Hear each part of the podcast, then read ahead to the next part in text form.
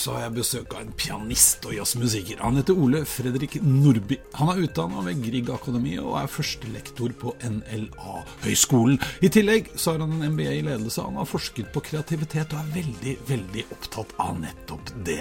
Og i dag så skal det handle om kreativitet, naturligvis. Og kanskje litt om hva det er og hva det ikke er.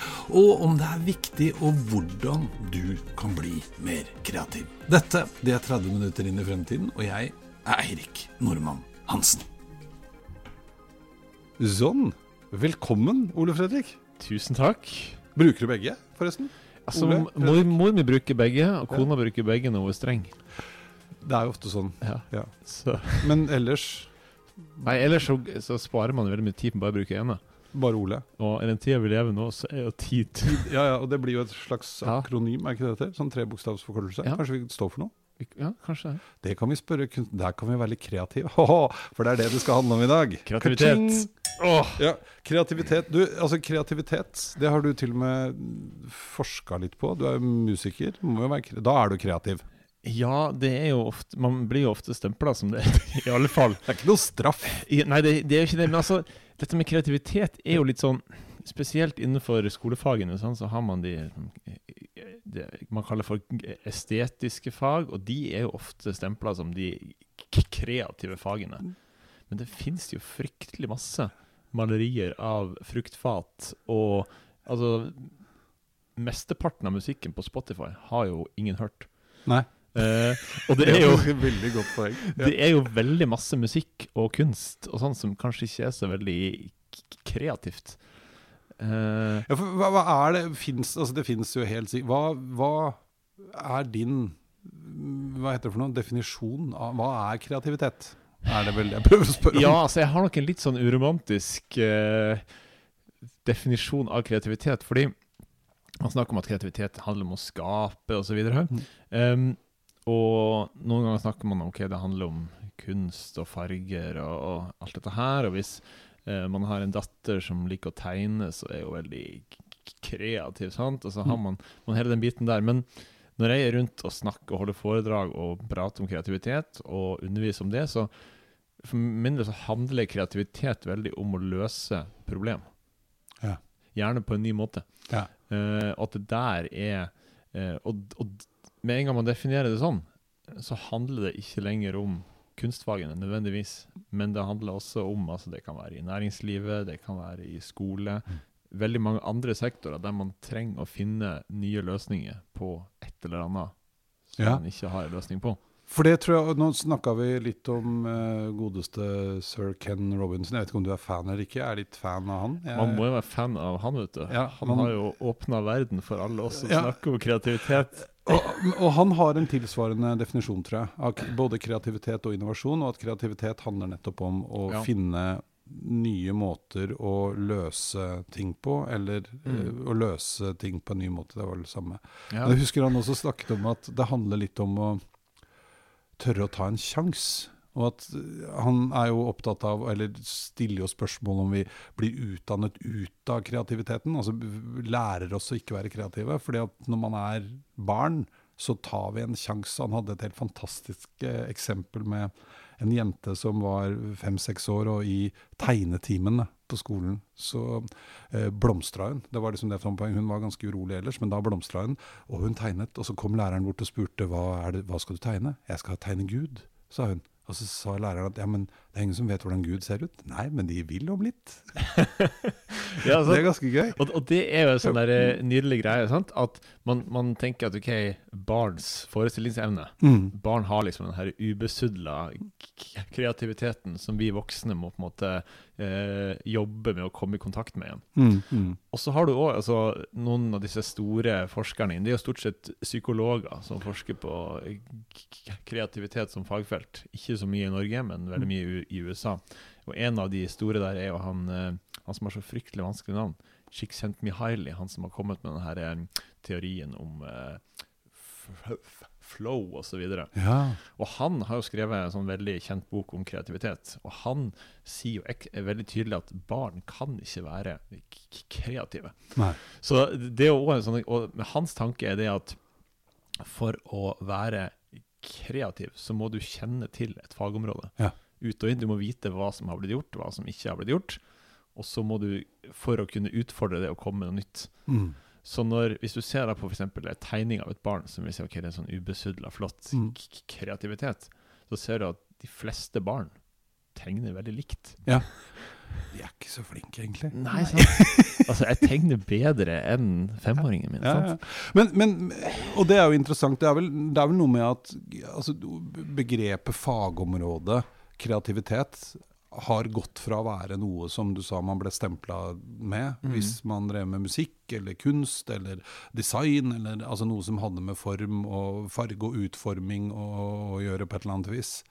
Mens til nå bli, bli anerkjent som mye, mye mer. Ja, og det er jo litt sånn altså, Det er jo fortsatt bedrifter som har det, at man har liksom noen som er de kreative, og så er det noen som er liksom fagnerdene. Mm. Og så har du marketingsfolk, og så har, så har du forskjellige avdelinger. Men ofte liksom som de kreative ble satt i en egen bås. Det var Ja. de som skulle sitte der med Post-It-lapper og tenke nye tanker. Ja.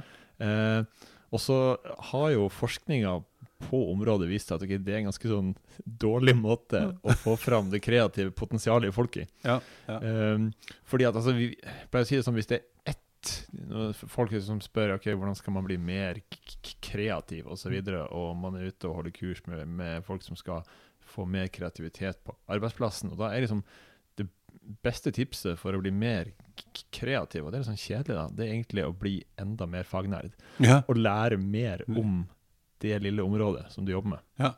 For å finne andre måter å, Ja. å gjøre og løse ting på. Og, og det er jo sånn, når man leser eh, biografiene til liksom de virkelig store, altså det man kaller for sånn big C creativity, altså Picasso, og Beethoven og alle disse her virkelig store som vi husker som vi stempler, de har jo brukt veldig mye av sine tidlige år på å studere andre Ja. og kopiere andre. Ja.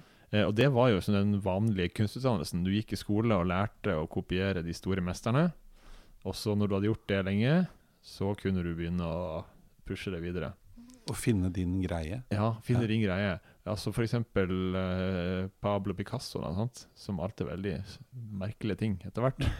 Han, han beherska jo å male naturtro veldig eh, Altså mer sånn type klassisk kunst først. Og så beherska han det fullt ut, og så kunne han begynne å pushe det. Så det er en veldig sånn Det å kunne fagområdet sitt, det er ganske lurt. Ganske lurt, ja. ja. fordi er det også sånn, Jeg husker jeg kjenner meg jo litt igjen i den jobba jo i byrå en gang, og vi var et av de aller aller første digitalbyråene. Eh, Og det skjedde ved at vi tok et teknologibyrå og et kommunikasjonsbyrå og slo sammen. Og så gikk vi liksom litt i den fella at vi kalte det var de kreative, altså også da de ikke-kreative. Eh, og de ble jo ikke sant, utviklere, f.eks. Det er klart at med rette så ble de ganske sure og syntes det var en dårlig kategorisering. For det er noe man trenger å være når man er programmerer. Så er det jo å være kreativ nettopp for å finne nye løsninger og nye måter å løse ting på.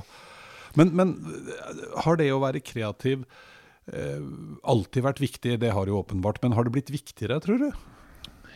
Ja, altså Jeg tror jo det. Og når man ser altså, disse her analysene fra World Economic Forum og en del sånne her eh, Allerede i 2011 så var det et sånn stor undersøkelse som ble gjort av IBM. Mm. De spurte 1200 ledere hva er liksom den viktigste lederegenskapen Ja.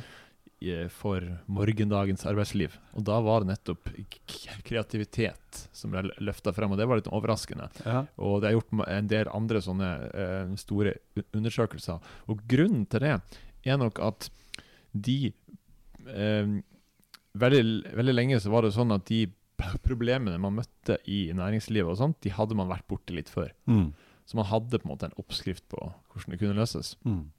Det man møter veldig nå, det er det som eh, defineres som sånne wicked problems. Altså åpne problem der det nødvendigvis ikke det er ei løsning som er rett, og en som er gal. Nei. Det er kanskje noe som er litt bedre eller litt dårligere. Ja. Og det er vanskelig å få feedback på om dette her var den ultimate løsninga.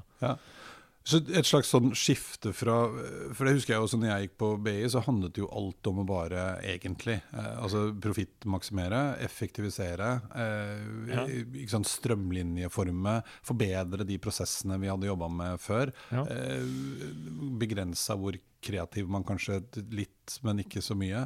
Mens nå så står vi overfor helt nye utfordringer som man kanskje aldri har løst. Vi har malt oss litt inn i et hjørne. Hvordan komme ut? Ja, og det er jo litt denne her kritikken som kanskje blir liksom gitt spesielt på et norsk næringsliv og norsk innovasjonstradisjon, at det vi har vært veldig flinke på, er jo nettopp som du sier, altså kutte kostnader, effektivisere, som er en litt sånn Men det å utvikle nye ting, det har kanskje ikke vært eh, det sterkeste Nei. kortet, inn, i hvert fall innenfor norsk eh, Vi var vel sjukt kreative når vi fant olje, da, og så Ja, har det liksom vært optimalisering fram til nå. Jo, men sant, det det. Altså, uh, olje og laks det fant vi, og så har vi blitt veldig gode på å liksom, effektivisere og utnytte det Ja. veldig bra. Og det er klart det har vært masse kreativitet der. Mm. Men, men de, veldig mye av de utfordringene som vi nå står overfor, er kanskje litt mer åpne. Ja. Okay, hvor skal Men, vi men gå? det, jeg føler at det er litt dette kanskje som godeste sir Ken Robinson pirker borti. da. Altså Vi blir liksom utdannet til å og trent opp i å utføre oppgaver som fins, og, og optimalisere de. Det har liksom ikke vært de store paradigmeskiftene, og de store, eh, mens nå er det det hele tiden. Og, og vi er nødt til å, å løse ting. Kan man da lære seg å bli kreativ igjen? Ja, det tror jeg. Altså, eh, det er nok en eh, altså Innenfor norsk skole sant? Mm. så har det jo og eh, sir eh, Ken? Ken, han var jo liksom, det var det som var hans store område. Sant? Hvordan kan vi skape en skole som fremmer kreativitet? Mm.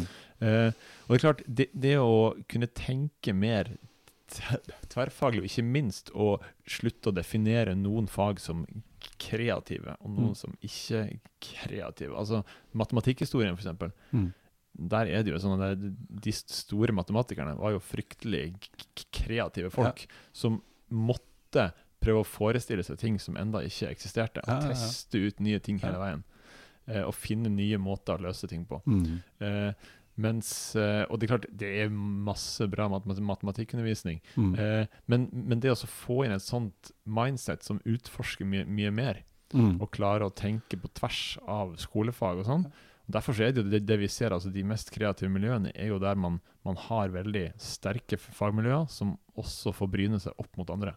Ja, for, det er, det er noe for jeg hører jo det at det, dette er jo bare kanskje også vært en slags sånn mistolkning av ordet. Eh, Det har blitt en Mm. label på folk som drev og lagde musikk og tegna og holdt på med sånne ting. Ja, Nå sier jeg det med vilje på den måten, da, bare sånn at det er sagt. Eh, mens eh, eh, kreativitet egentlig handler om noe annet, nettopp det å, å, å finne nye måter å løse eh, utfordringer og problemer, eller rett og slett bare endre måten man gjør ting på i dag. Men, men eh, kan alle være kreative? Ja, altså innenfor Det er jo det som er liksom, Når man innenfor eh, forskninga på kreativitet, så eh, har man jo litt prøvd å finne ut ok, kan man bli mer kreativ, eller noen som er mindre kreativ, og hva er det som er liksom disse kjennetegnene på det. Og kreativitet er et litt sånn ullent begrep, da. Mm. Fordi det er jo nettopp en del Det er en sånn ferdighet som inntrer i samarbeid mellom en del ferdigheter man har, en del kompetanse man har, og det sosiale miljøet som man er en del av. Mm. Det vil si at en Og det har vi sett en del sånne eksempler på. ok, Man, eh, man skal ha, prøve å bli mer, et mer kreativt eh, konsulenthus. Mm. Og så hyrer man inn en kunstner som skal komme og få de ut på gulvet og gjøre øvelser og sånne ting. Og så skal de på en måte prøve å lære en kreativitet som ikke handler om deres fagfelt. Mm. Og så bommer man litt. Ja. Eh, fordi at det er nettopp det å kunne utvikle egenskaper som, som er disse kreative måtene å tenke på, kombinert med det fagfeltet man er en del av. Ja. Fordi kreativitet er dessverre, og heldigvis, domenespesifikk. Mm. Det vil si at man er kreativ innenfor et fagområde. Det er ikke sånn at hvis man putter inn en eller annen kreativ ingeniør inn i en marketingbedrift, Mm. Så vil man være kreativ der også. Nei, ikke sant. Og, ja, og det, det gir jo mening. Så når du er f.eks. kreativ musiker, Jeg håper jo ja, Jeg men håper kanskje ikke det. så kreativ uh, regnskapsfører? Vi Musikere er ofte veldig kreative redskapsførere. Ja, det er kanskje det som er problemet, ja. Når de gjør Man skal ikke blande. Det er Nei, man skal ikke blande er ikke Jeg hadde, jeg, hadde, jeg, si, jeg hadde en musikerkollega, han var veldig happy da. Han, han førte regnskapet sjøl. Og da var det sånn, det var, eh, det var vel fem år han måtte liksom ta vare på regnskapet. Han var veldig happy for hver gang han leverte inn et regnskap. For da lærte han litt hvert år. Ja. Så hvert år så gikk det ett dårlig regnskap ut, Ute. og ett litt bedre inn. Det er mange som tenker det, tror jeg. Altså. Ja. Men, jo, men, men det er jo et poeng. Men, men, men hvis vi da skal lære å bli kreative innenfor vårt domene, altså, og, og det handler veldig mye om kultur, og det handler veldig mye om mange ting, Mm. eh, hvordan kan vi gå fram da? Altså jeg tenker Man skal ikke være redd for at å lære mer. For Mm. det er veldig mange som tenker at ja, jeg er nødt til å være litt sånn ubesudla av fagfeltet mitt for å tenke nye tanker. Mm. Det er en ganske sånn dårlig eh, tilnærming. Lær. altså Prøv hele tida å sette inn ny utvikling på faget, og lære av det andre gjør. Fordi noen ganger så bruker man fryktelig masse tid på å teste ut ting og prøve å lære seg ting, og så har noen andre gått den veien før. Ja. Og så kunne du kan spare deg for fryktelig masse jobb.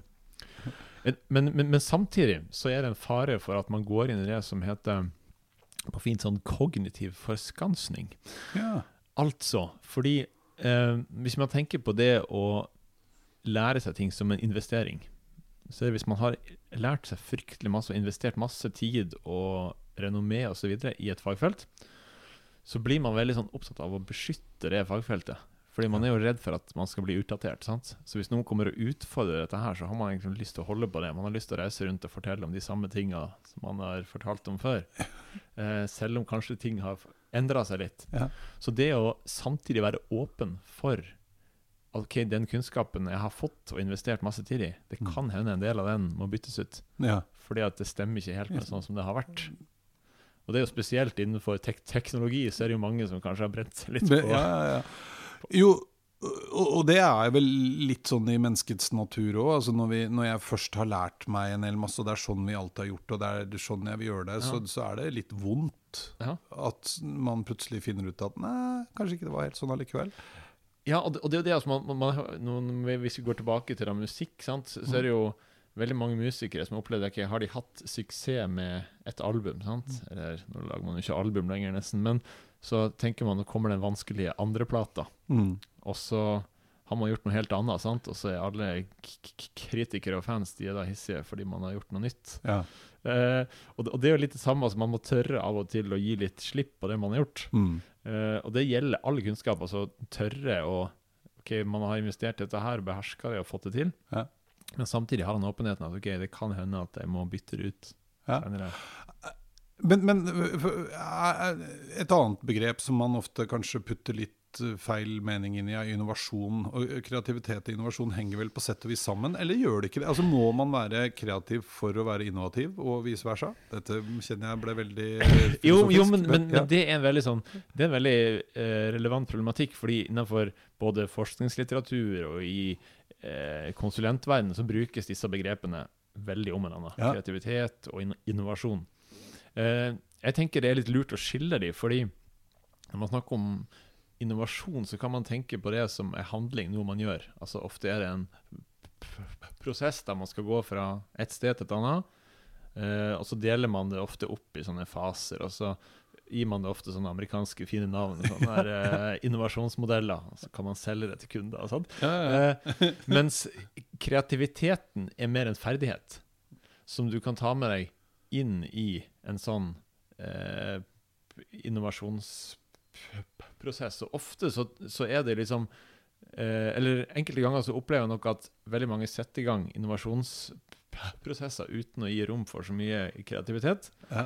Og noen ganger så har man kanskje mye kreativitet, men burde hatt noen innovasjonsprosesser for å styre det litt. Ja. Eh, så jeg tenker at det er altså, Ja takk, begge deler.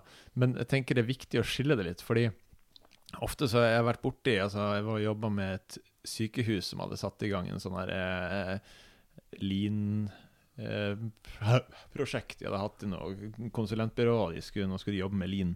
Ja. Og det var veldig sånn metodisk. Og de fikk nesten beskjed om hva de skulle gjøre i de forskjellige fasene. Så det var ikke så veldig kreative innspill fra de som faktisk satt og behandla disse stakkars pasientene. Så det var veldig lite eh, god eh, data de fikk med seg inn i det. Inne, ja. Eh, og det er jo ofte en sånn greie at det blir så toppstyrt ofte, disse tingene. Mm. At nettopp den her eh, kontakten med førstelinja, der man faktisk sitter med kunnskapen, altså hvem er det dette her er for, den forsvinner litt. Ja. Det er vel kanskje derfor sånne metoder som sånne sprinter og sånn eh, slår litt an. da. Fordi at de krever, Hvis du følger den oppskriften, Ja. for det er jo en oppskrift, da skal du jo liksom ha med different stakeholders. Altså Ja, ja. også de, ikke bare vi med gule lapper, mm, men noen andre. Ja.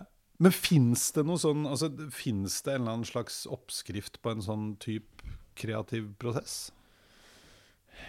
Jeg tror ikke det finnes én oppskrift, dessverre. Eh, det er jo, altså Opp igjennom tidene så har jo forskjellige kunstnere tydd til litt forskjellige ulike stimuli for å komme i kontakt med musene og gudene for å få disse innspillene. Men eh, veldig ofte så er det jo Altså, man eh, Altså, når er det man får gode ideer? Mm. Og de, de fleste får de ofte når de gjør noe helt annet Ja. Enn det de skal. Og så har han vært forska mye på sånne aha-øyeblikk, sånn her når Arkimedes lå i badekaret sant, og fikk ideen og sprang nakken ut i gata-mytene som oppstår. Og det man ofte ser, er at når man får de gjennombruddene, så er det ofte fordi man har gått og tenkt fryktelig masse og sittet og jobba med en problemstilling veldig lenge. Og så, når man gjør noe annet, så går hjernen inn i en litt sånn annen eh, modus Mm. der man bevisst ikke tenker på det, men likevel så fortsetter hjernen heldigvis å jobbe med det. Så et sånn veldig bra tips da, er jo å gjøre mer litt sånn kjedelige, monotone ting. Altså, Veldig mange får i seg når de kjører bil, og tankene bare suser, eller man er i dusjen eller på løpetur. Ja. Jeg liker godt å klippe plen, hagearbeid og sånn, for da Ja. tenker du ikke på noen ting. Men samtidig så plutselig dukker det opp en Bruker, ja, ja. for det merker jeg sånn gå på tur. uh, Det er vel noe med det derre Hva er det vi kaller det for noe? Og liksom, eh, Nå må jeg bare klarere hjernen litt. Grann. Altså Man Ja, ja.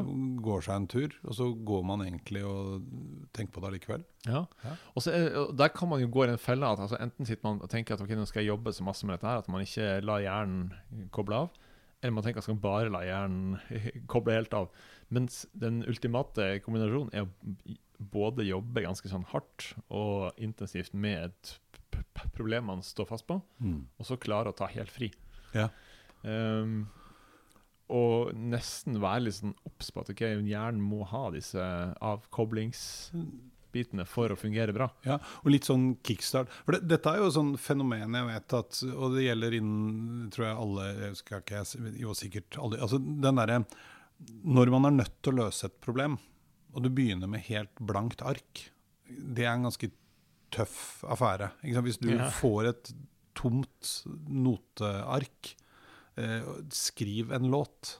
Så. Så vil jeg tro at det å begynne Eh, og dette leder meg egentlig litt inn til eh, altså nå Med alt det som skjer rundt oss med, med teknologi og kunstig intelligens og generativ kunstig intelligens, som da har den egenskapen å lage ting basert på det den har lært på.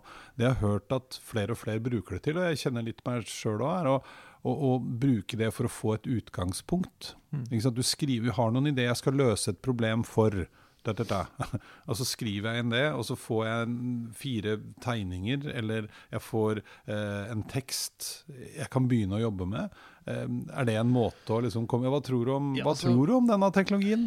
Nei, altså jeg er jo litt sånn optimistisk. Sikkert derfor jeg har fått lov å komme hit. Ja, det er for du ble spurt, så hadde du ikke fått komme inn. Nei. Nei, surmula kunstner. Nei, eh, eh, eh, altså Kunstnere har jo hele tida brukt andre kunstnere for Mm. å få inspirasjon, Mm. som et ut, ut, utgangspunkt.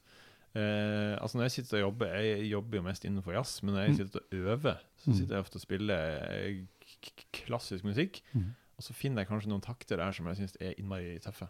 Eh, nå sitter jeg og jobber med noen sånne her eh, stykker av Debussy.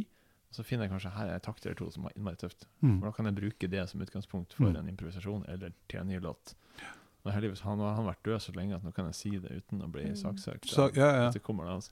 Um, men, men hele tida det å bruke Å ha et utgangspunkt For du sier altså denne her uh, uh, redselen for det som et tomt ark Den Mm. er ganske reell. Eh, Stravinskij, som var liksom en av de store komponistene, han, han har vel sagt noe sånt som at hvis du gir ham beskjed om å skrive noe musikk, så klarte han ikke det. Nei. Men hvis du, hvis du ba han liksom skrive for to eh, fløyter, fire tromboner som skulle lage noe musikk om uh, ofring av et rituelt et eller annet sånt, Ja. da kunne han gå i gang. Så liksom, bare han hadde noen rammer, et utgangspunkt. Men det der er kult, for det du egentlig gjorde nå Dette er jo det som nå for tida populært blir kalt en prompt. Ja.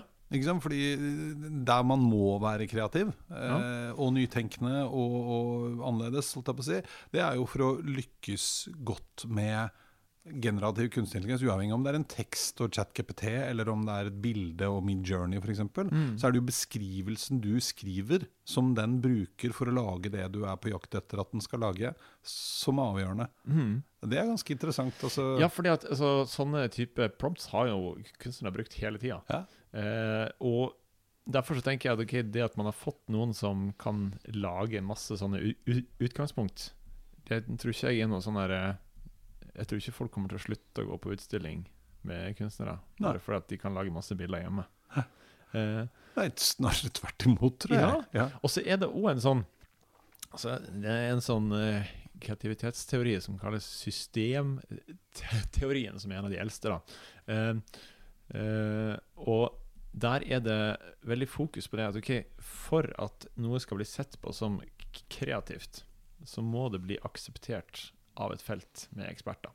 Ja. Eh, det vil si at hvis en eller annen kunstner, eller man skal komme med et nytt teknologisk bidrag, så må det fagfeltet som tidligere har liksom definert hva er det som er cutting edge tek teknologi nå, de må anerkjenne at okay, dette her er good stuff.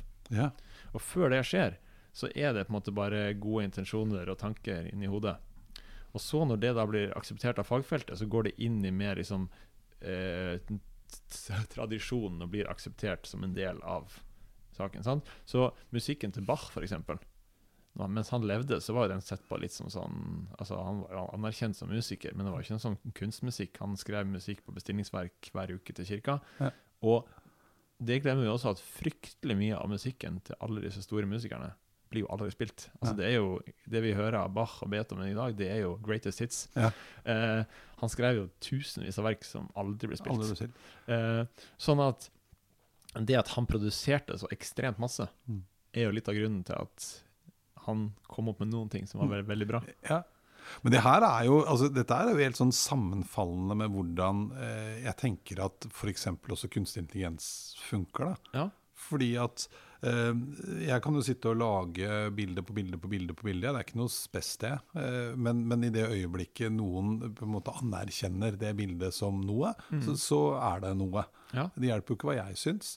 Eh, og så tror jeg, som jeg sa i stad, jeg tror jo det du er inne på nå, at det er mye mer imponerende at du får til å skrive et fantastisk musikkstykke, eh, enn at den datamaskinen gjør det. Syns jeg. Ja, for, for at, og, og det er det også som er litt eh, herlig, men befriende òg. At altså, hadde jeg nevnte først, så hadde ChatGPT laga tekster, Mm. laga tekstene til Bob Dylan, Ja. og det, de fantes, så, er det jo ikke, så får jo ikke ChatGPT Nobelprisen. Nei, altså, det- er det ikke så himla imponerende, egentlig. Nei, fordi at det som gjør at vi anerkjenner de tekstene, er jo fordi at det er Bob Dylan. Altså, det er et menneske som har skrevet det, det er historie. Ja. For vi, vi knytter følelser og assosiasjoner til det.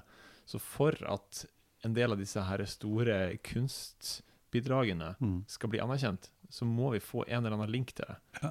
Og, og det er også noe med at altså, med en gang det går inflasjon i ting, sant? Mm.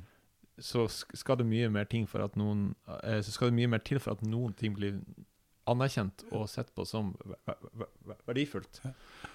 Må, må man være litt gæren for å være kreativ? Altså Noen av de liksom fremste, kanskje innovatørene, da, men, men som definitivt har vært kreative også opp gjennom historien, Ja. har jo vist seg, eller er enten sprut gærne, eller har vist seg i ettertid at de var det. Ja. Musk og uh, Steve Jobs og uh, jeg vet Bach og altså, Ja, Noen av de var jo ganske rock'n'roll. Det har jo vært mye gærninger. Ja. Eh, og det er nok litt en sånn her eh, eh, Både et resultat av en sånn eh, overlevelsesbias. Altså at Ja. vi ser ok, disse har hatt suksess, de var litt gærne. Vi Ja. tenker at for å bli, ha suksess, så må du være litt gæren. Mm. men det er veldig mange gærne musikere og innovatører som vi aldri har hørt om, ja, ja. eh, som har kommet opp med ideer som kanskje ikke var så, eh, Så, eh, anvendelige. Sånn at den der, eh, Når man har forska liksom på mental helse Mm. og kreativitet, Mm. så er det vanskelig å si at OK, det er, det er, et, det er fordelaktig å Ja. ha det. Det er ikke det som Det er man poenget. ser, er at en del Noen, noen forskere som har sett på okay, dette her med eh, ADHD og en del sånne ting, at de har noen eh, hjernekombinasjoner som man også finner i en kreativ prosess. Det at man er mer åpen for ideer, Ja. eh, hoppe av det at man kan agere på noen innfall man får, osv. Ja. Men, eh, men eh, det, det er ikke sånn likhetstegn mellom å, å ha litt skjør mental helse og være kreativ. Nei, nei. nei, og det er jo kanskje uh, fint, men, uh, men uh, For det krever jo litt også, tenker jeg. Altså når man, fordi ofte så blir man jo litt kontroversiell, særlig når vi er inne på det du har vært Mhm. veldig opptatt av nå. altså Det er domeneekspertise. Ja. Eh. Og, og her i gården har vi alltid gjort det sånn, og så kommer du og foreslår noe helt annet. Møter mye motstand. Altså Man skal være ganske tøff òg, og stå i det. Ja, og det er jo eh, eh, Dette her må skille mellom hvem man må ha alle disse ideene. Ja. Det er liksom en del av kreativiteten. Og så må man ha den evnen til å skille skit fra kanel, bart fra snøre osv. Man må velge hvilke ideer det er viktig å gå for, Ja. og hvilke man ikke skal gå for. Hva er det som er realistisk? Og så er det nettopp det man også ser at de som scorer høyt på kreativitet, er ofte veldig flinke people persons. Altså de er flinke å overtale andre, Mm. bygge seg nettverk, få med seg folk. Eh, og det er jo det man ser på Steve Jobs og Elon Musk og disse her. sant? Selv om de har en litt sånn ut, ut, stil, så er de veldig flinke med gjennomføringskraft. Ja. Få ideene sine gjennom. Selge inn ideen og få med Selge seg andre. ideene. Ja, ja, ja. Og eh, når jeg jobba med et sånn forskningsprosjekt på eh, kreativitet i offentlig sektor, Mm. eh, som eh, eh, mange syntes var litt sånn merkelig å forske på kreativitet inn i offentlig byråkrati, så var det nettopp det at okay, den evnen til å vite hvem er det jeg skal eh, Hvis jeg har en idé, og nå har jeg lyst til hvem er det jeg skal gå til med den ideen? For det er ikke nødvendigvis å gå til den neste som er over deg i rekka, men ok, du må snakke med henne. Og så må du ta et møte med han og den gruppa der for å få det gjennom. Ja. Så man må liksom vite litt hvor man skal gå. Gå, ja. For Går man feil sted, så får man bare et nei, og så blir du tatt fra budsjettet, og så er du tilbake i båsen. Det, det her er jo Jeg føler det har vært en del sånne Det er en del biter som faller på plass i mitt hode i dag. I ditt liv? gøy. I mitt liv, faktisk. Nei, for jeg hadde, jeg hadde besøk av Det begynner å bli ganske lenge siden. Eh, en eh, fra eh, Å, nå står det helt stille, men det kommer vi på etter hvert. Hva selskapet het. Um, men de jobber nettopp med dette. En viktig del av deres virksomhet det er å uh, yngle fram ideer. Eh, Så De har liksom tatt den der Google-modellen på alvor. Alle ansatte skal bruke jeg husker ikke om det var 10 eller 20% Men det han fortalte, er at de som lykkes, altså de ideene som oftest vinner, for de har da sånn pitch-kveld en gang i måneden eller noe sånt, de som oftest vinner, det er de som har brukt eh, litt av tiden sin til å overbevise andre internt om at min idé er innmari god, eh, og så velger de andre å bli med meg på min idé, istedenfor å bruke de, den tiden på å lage egne ideer. Ikke? Det, så de gjør nettopp det. De, da er man plutselig ikke bare meg. Jeg har fått med meg disse, de støtter meg, vi skal jobbe sammen om å få realisert dette. Ja, og det er jo derfor at man ser at ok, hvis man, hvis man er bare en eh, Altså har masse eh, lidende sånn kunstnerideer, Ja. så er det De scorer ofte ikke så høyt på akkurat den biten der. Og man ser at veldig mange av de store eh, innenfor kunst, da, de hadde ofte en sånn person som oppdaga de og fikk de litt fram, om det er en manager eller osv. Så, videre. Ja. så man snakker om sånne kreative team, der man kan være litt med å utfylle eh, disse ulike kompetansene man må ha for å få satt disse ideene ut i livet. Du, altså, tida løper jo som bare fy. Vi, har, eh, vi er på overtid. Oi. Ja, ja, ja. Det, fordi det er jo Dette kunne vi sikkert snakket om kjempelenge. Men hvis vi skulle prøvd å oppsummere nå eh, Altså Kreativitet det handler om eh, å skape nye muligheter. eh, utfordre kanskje litt det etablerte. Eh, det er ikke nødvendigvis noe vi vokser av oss, men det handler veldig mye om domenekunnskap. Altså Jo mer du kan om det du driver med, jo lettere er det å være kreativ. Yes, og så tenker jeg litt det vi er inne på nå på slutten. Eh, det å jobbe sammen i team. Ja. Og ikke være redd for å knytte kontakt med andre. Nå skal jeg prøve å finne veldig fort, men jeg klarte ikke, han heter Fredrik, han også, som jeg jo kjenner, som jobber i dette selskapet, som er jo definitivt eh, Iterate, heter selskapet. Iterate. Ja, ja. Iterate. De er faktisk veldig veldig spennende modell. Du, vet du hva, Vi må avslutte der, men sånn en siste altså, Har du et eh, råd? Eh, kreativitet har kommet for å bli. Det har kanskje blitt enda viktigere enn eh, noensinne, fordi vi står overfor veldig veldig mange utfordringer som skal løses. Har du et råd til de Et som hører på? Et råd eh, bli enda mer nerd og Ja. koble mer av. Det, det, det tror jeg er liksom de to greiene. Få enda mer kunnskap, og så Slapp av. Ja, ta det litt mer med ro, og så heng med folk og diskuter ting fantastisk. Tusen hjertelig takk for besøket, Ole. Veldig hyggelig å være her.